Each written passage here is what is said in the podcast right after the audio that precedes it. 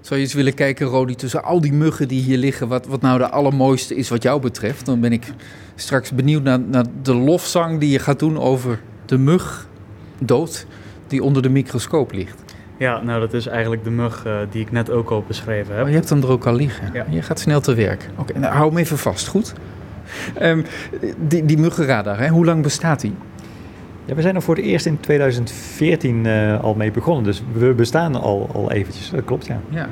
In al die jaren is er heel veel te doen geweest over klimaatverandering. Um, wat is er te zeggen over het aantal muggen? Heeft, weet je, is dat toegenomen of is dat afgenomen of wat is daarover te zeggen? Ja, dat is nog best wel lastig te zeggen. Hè. Klimaatverandering is natuurlijk iets wat over uh, lange tijd uh, gaat. Mm. Dat is niet over, hè, dat is niet het mooie weer van, van nu, dat het meteen explosies van, van muggen op gaat, uh, gaat leveren. Er zijn natuurlijk wel wat algemene dingen die je daarover kunt zeggen. we verwachten dat het warmer wordt.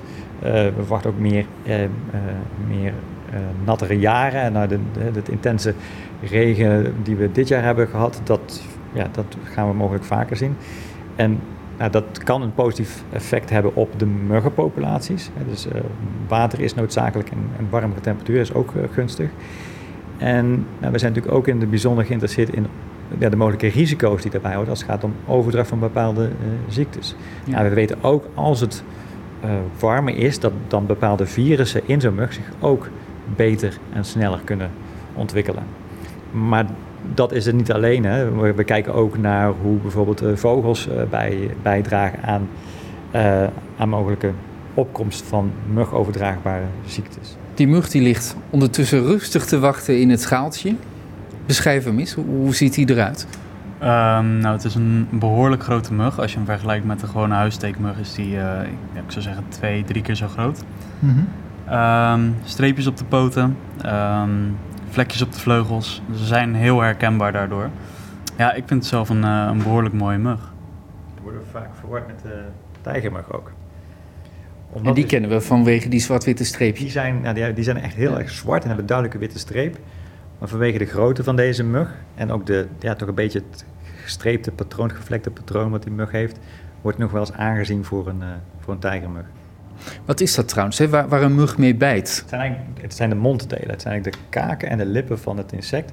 die zich hebben ontwikkeld tot een lang, stekend uh, orgaantje. het bestaat, het is eigenlijk een soort van het, bestek van de mug, zeg maar... waarmee ze dus ook ja, een, een, klein haarvaatje weten te, te, te vinden. Zit ook, ja, als je nog, nog een betere microscoop zou hebben... kun je er nog verder kijken. En dan zie je ook echt tandjes zitten aan het uiteinde van die, van die monddelen. Waarmee ze echt ja, als het ware naar binnen zagen. Ja.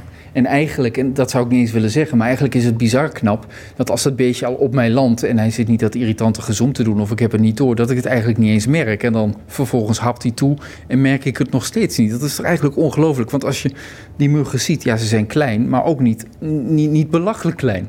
Ja, dat klopt. Ja, vaak voel je er helemaal niks van. Maar ik moet zeggen dat er ook al een aantal soorten zijn uh, waarbij je een beet wel echt voelt. Uh, zoals bijvoorbeeld bij deze soort, Cliceta annulata. Die zijn natuurlijk ook een stuk groter, maar zo'n beet voel je wel. Uh, maar inderdaad, ik heb zelf vaak ook als ik gebeten, word door een gewone huissteekmug. Ja, ik merk het pas achteraf als ik een bult krijg. En als jij het wel merkt, wat gebeurt er dan? Dan sla je die mug dood en dan ga je meteen kijken wat voor een is het? Uh, ja, soms sla ik ze niet eens dood, maar vang ik ze, stop ik ze in een buisje of iets. Oh, ja. Dat gebeurt ook nog wel eens. Uh, maar meestal sla ik ze wel dood, want ik vind ze ook gewoon heel erg irritant. Er wordt heel veel onderzoek gedaan hier naar muggen en uh, ziekten die ze kunnen voortbrengen enzovoort. En dat richt zich ook voor een deel op ons eigen land, waarbij dat steeds meer kan gebeuren, als ik het goed begrijp. Dat ook muggen hier ziekten gaan overbrengen. Maar wat hebben we er nou eigenlijk aan? Want als ze die muggen dat doen, weet je, voorkomen doen we toch niet. Van die muggen komen we toch niet af. Ja, er zijn natuurlijk wel bepaalde dingen die we kunnen doen. Hè. We kunnen de, uh, ervoor zorgen dat mensen zich in ieder geval bewuster zijn van het risico en zich daar mogelijk aan, aan aanpassen. Uh, de, die, deze, die huissteekmuggen die komen met name voor in de huiselijke omgeving. Dus de, die planten zich voort in allerlei uh, potjes en pannetjes die in je tuin bijvoorbeeld met water hebben gevuld. Dus ja, je kan ook bij jezelf natuurlijk eens ja. gaan kijken. En gewoon dat water weggooien. En op die manier natuurlijk wel wat doen om de muggenaantallen in en rond je huis te verminderen. Ik dank jullie wel voor een eh, blik in deze bijzondere wereld, die toch ook altijd een beetje angstaanjagend is. Dank jullie wel. Graag gedaan. Graag gedaan.